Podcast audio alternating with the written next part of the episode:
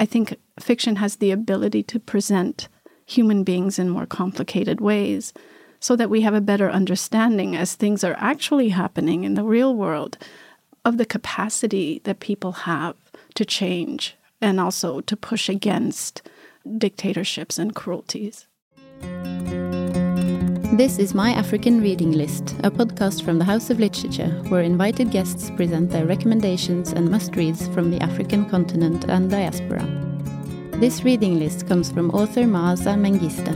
She sat down with Åshild Lappegård Lahn to talk about writing and reading.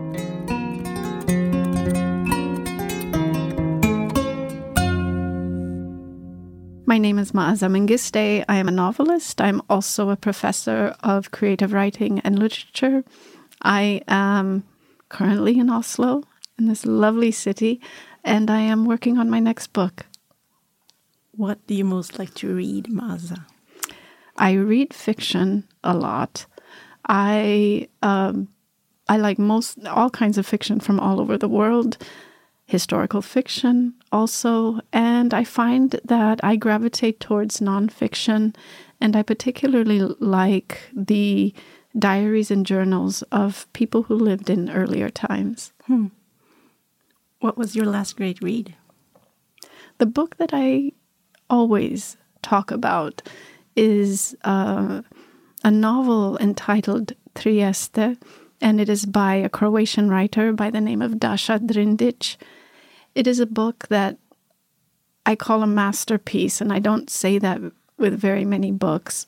Uh, but that book, which is set in World War II, and it's in occupied Italy near the border of Croatia, uh, is a book that transcends its subject matter.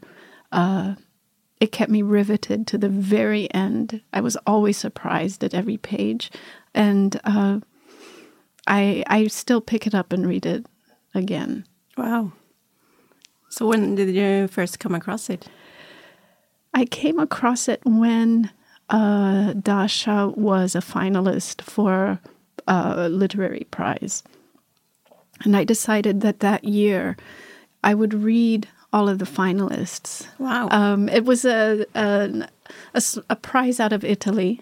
Mm-hmm. And I read the other writers, and this book was the one that I thought this has to win. Hmm. I met Dasha. Uh, I went to the prize. I knew the, the organizer, so I went just to see who would win. And uh, I got to know her and before they announced the winner, she leaned over to me and she said, Darling, I'm not going to win.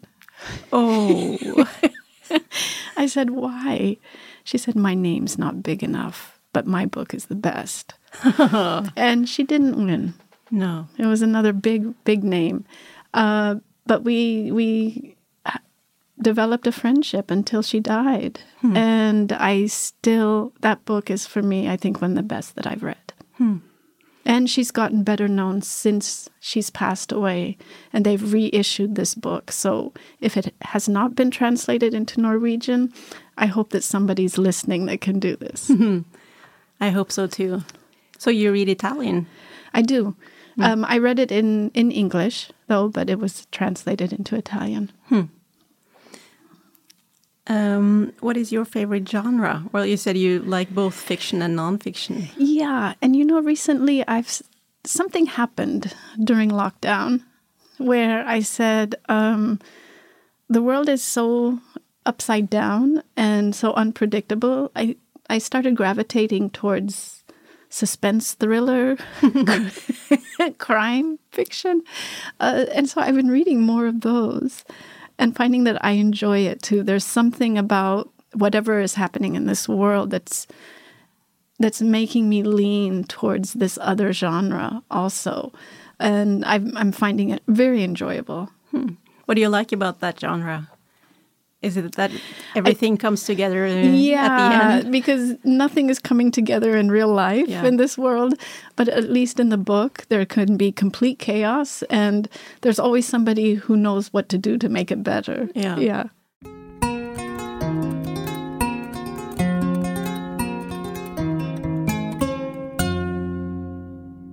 your two critically acclaimed novels, Beneath the Lion's Gaze and The Shadow King, they both explore a specific period and event in Ethiopian history. Beneath the Lion's Gaze tackles the revolution and the bloody civil war of the 70s and 80s, while The Shadow King portrays Mussolini and Italy's invasion of Ethiopia in the 1930s and the war that followed. So, what is it that draws you to write about these dark chapters of your country's history? You think? I um, I'm I'm interested in the question of how people survived. Uh, I'm interested in the lessons that we can get or we can glean today uh, from those moments that I know existed even in complete catastrophe, moments of happiness, moments of love, moments of compassion. Uh, I have found again and again in my research that as bad as the world gets, there are always these these moments of light and these moments of of caring that people exhibit towards each other. And when I research, uh, I realize what I'm doing is writing, of course, the devastations, but always seeking those other moments and finding them all the time. And I think that's important to remind people that um, as difficult as things get, uh, people can work together, and they and they do. Yeah, and those kinds of moments, you don't read a lot about them. Maybe in the nonfiction right. from those historical periods. So that's yes. why you need to turn to fiction. Absolutely, I think fiction can help complicate people's reactions. Uh, what I what I seek to do is when I'm writing is try to understand why people did certain things, why good people end up doing things that are not so good. Mm. How is it that someone we might call evil actually shows surprising acts of compassion?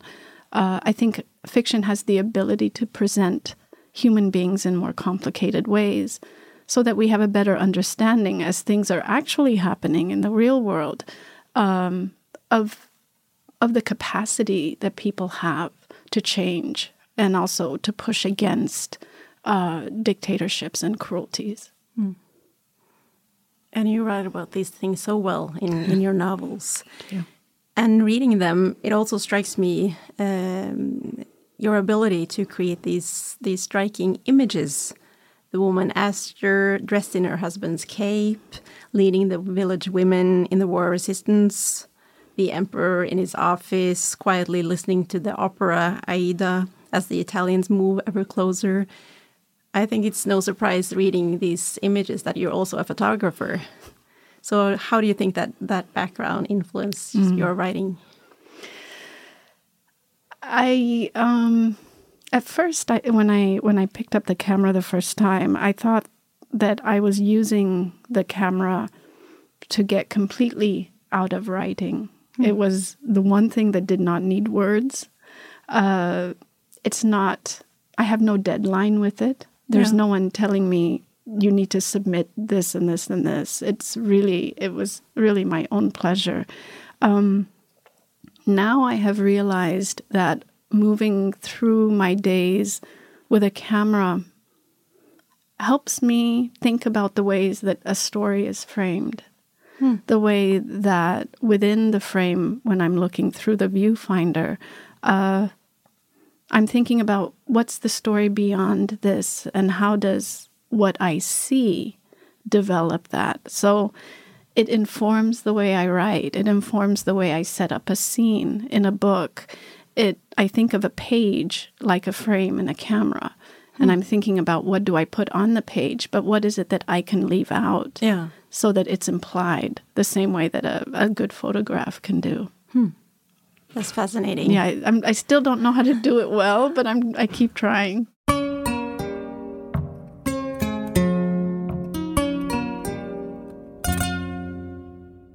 I want to talk to you about the um, idea of, um, in quotation marks, African literature, because all too often writers with a connection to Africa are asked to define African literature um, or asked whether they consider themselves African writers. And you've written about how you find this problematic before. What is the problem, according to you? Um, you know, I wrote an article when my first book came out uh, in, oh my God, more than 10 years ago now, uh, about what it means to be an African writer. This was a time when there were not many of us mm. in in the industry. There were a select few who were publishing, and so we were getting asked the same questions again and again and being asked to define an entire continent. And those of us who are diaspora, also like I am, have another. I mean, I'm also based in the United States. I am Ethiopian, but I'm also American. And that American aspect was too complicated for people to understand.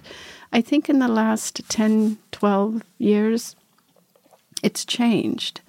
There are more people who are publishing from across the continent. I think readers are starting to understand that um, this is the field is full of uh, writers with different backgrounds, different languages, different experiences to draw from. So being called African now, I think, has a different meaning. Mm. It's not as limited as what I think it used to mean 10, 15 years ago. Um, I get asked less now. I actually don't get it at all about what it means to be an African writer. I think the difference, though, um, I think there's still a ways to go with this. Uh, I've been on different panels where a writer or the moderator will ask me to explain a situation that's happening, let's say in South Sudan. Yeah. And I have to say, I know nothing about this country. I have never been there. Um, so the interchangeability is what I think we have to be careful about. Uh, but I, I'm hopeful that the industry has gotten uh, a bit more open-minded and a bit more knowledgeable. Yeah, I don't think there are that that it's that common for, for instance, for Norwegian writers to be asked to to analyze the situation in Hungary, right. uh, moving towards authoritarianism, for instance. absolutely, absolutely. Yeah. So we're we're getting closer to this, but um, it's a lot better, though I think, than it was before. But twelve years ago, I had an I had an issue if someone would would say to me, uh, "Or oh, you're an African writer," yeah. because what African meant at that time was a very limited perspective because the person saying it had a limited knowledge. Now, if someone says that, I say, yes, of course I am. And I'm also an American writer, and I'm also um, a diasporic writer, and I'm also an immigrant writer, and I'm also a female writer. Yeah. How do you combine all of these? Uh, and um, that's that's the kind of writer that I am. Yeah. Um, yeah, but then what does African mean today, I mean, there are, as you say, there are thankfully so many more literary voices coming out of both the continent and diaspora, mm -hmm. uh, and many of them call themselves African writers, and there are these uh, amazing literary magazines online and so on uh, cropping up, and many of them call themselves Pan African. Mm -hmm. So, so uh, are there advantages to to grouping literature from the continent and diaspora together in that way? And mm. what what is African? That's interesting. Writers today. Uh, you know, we have we have. I just had a conversation uh, last night with uh, Tsitsi Dangarembga, who is based in Zimbabwe, mm. but also once lived in England, and now is in the United States working on on something new. Has also lived in Berlin. She's an African writer, however. Her books are set there, distinctly in Zimbabwe. But if she were to change and write a book set in Berlin, does that would it change who she is? And does that make her any less African? Um, I think that we're we're moving into a way of identifying identifying writers uh, that's broader. Uh, I would call myself a diasporic writer. I would say I'm African, but I'm also diasporic, and I pull from other places that I've lived. Whereas if I meet a writer, let's say there are writers currently working in Ethiopia, in Addis Ababa, who don't leave the country and who write specifically from there, they're Ethiopian writers in a different way than I am. But maybe the idea is um, to broaden this, the definition of what it means to be an Ethiopian writer, um, to include those who are diaspora, or maybe we need new terms. Mm. Um, but I'm comfortable with the ambiguities, and I think that's that's the whole point with labels is that you're always going to have these spaces in between, and most of us fall inside those spaces. Yeah.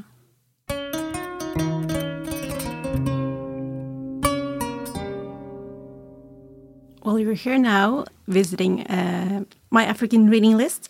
So, what writer or writers do you want to highlight for your African reading list? Yeah, well, I would definitely highlight Tsitsi Dangarembga, who is recently translated into Norwegian. Uh, Nervous Conditions is a classic. It is truly a classic. Um, it is a book that I think can be read again and again, and something new can come out of it. Uh, and I also would like to alert people of two writers that are relatively new. They're emerging. Um, they will be published. They have they uh, one actually one did just get published. Um, they're both Ethiopian, diasporic, um, writing about Ethiopia, and the first one is a writer by the name of Mihret Sibhat, and she has a book called A History of a Difficult Child. History of a Difficult Child, and that's just recently released in the United States. And there's another writer who will be published in August named Maya Binyam. And her book is called Hangman. And uh, Mihret's book, The History of a Difficult Child, is a child talking back to God, hmm. questioning religion as Ethiopia is moving through a revolution, questioning the cultural norms questioning sexuality. Um, it's an incredible book. It's funny, it's ironic, it's quite wry, and really insightful. So you have this book that's told from a little girl's perspective, and it's irreverent. Um, and it's it's wonderful. So I, I recommend that. Maya's book, Hangman, is uh, it reminds me of the earlier disturbing, uncomfortable, brilliant works of uh, Jenny Erpenbeck, hmm. who wrote Visitation. But Jenny's earlier uh, books, uh, Stories of a Lost Child, I think it's called, uh, or The Lost Child, um, there's this voice that is, you don't, you read between the lines to get the story. And each sentence and each piece of information that we're given completely disrupts what we thought we knew. Hmm. And uh, Maya will be published in August, and I highly recommend that if that book can make it here, that people uh, rush out and get it. Wow, they both sound really interesting. They are, and yeah. it's wonderful to get these writers coming out now from from Ethiopia or connected to Ethiopia. Uh, it's it's wonderful. Uh, Mihret recently sent me an email saying you know, we're coming now. You know, you won't be the only one. I said, I'm so glad. so, where did you first encounter them? I I spoke with uh, Mihret. Uh, reached out to me when she was writing. She was just starting this novel and just wanted advice on writing and wanted to make a contact with someone. And so we kept in touch over the years, and now she's published. Um, and Maya I I learned of um, from her editor, and we've been in touch now. Wow! Yeah. So for Mihret, you've been sort of a mentor along the way. Whenever she's asked me a question, yeah, and what what she has done now is is said, you know, there's this young woman who's who wants to start out with translation. Can you talk to her? And now I'm talking to to this young woman, and I will help try to get her uh, some work if possible. Hmm. Yeah, looking forward to discovering these uh, these two novels. Thank you. I think you'll like them. And um, since you teach creative writing as well, I guess you come across a lot of uh, aspiring talents. Yes. Really, really interesting stories that come out. Um, I'm inspired by my students in the classroom. I uh, I really enjoy teaching. The the issue for me is that I get so involved with teaching that sometimes the same energy that I use in writing goes into the classroom. Mm. So I have to always work to balance those out. I know that uh, another writer that has meant a lot to you is the Ghanaian Ama Ata Aidoo, uh, and especially her novel Our Sister Killjoy. Mm -hmm. I wanted to, uh, yeah, ask you if you if you wanted to tell us a little bit about her. Oh, what she means to you. I remember reading that book uh, when I was in college, and it was the first time that a book reflected me and it reflected my own immigrant experience. Uh, Ama Ata was writing about a young woman from Ghana who moves to Germany and at, and at that point begins to realize that she's black, had no concept that she was different in any way until she moved. Uh, but it was also the struggles of this young woman to adapt, to fit in, to find a place where she felt that she was comfortable just existing. Um, I completely related to that. And it was the first time, I, I think I was 19, um, the first time I saw myself in, in any piece of writing. Uh, and it blew me away. And the, the writing in it was quite powerful and strong. And I thought, this is what literature can do. And I think that was my first sense of maybe I can try it's one day to do something like this. But that Our Sister Killjoy was a special book. Hmm. I'm glad you tried. Thank you. and I'm so happy that you joined our African reading list. Thank, Thank you, you. That's wonderful. Thank you so much. You've listened to My African Reading List. The complete reading list can be found in our show notes. This episode was edited by the House of Literature, music by Ibou Cissokho.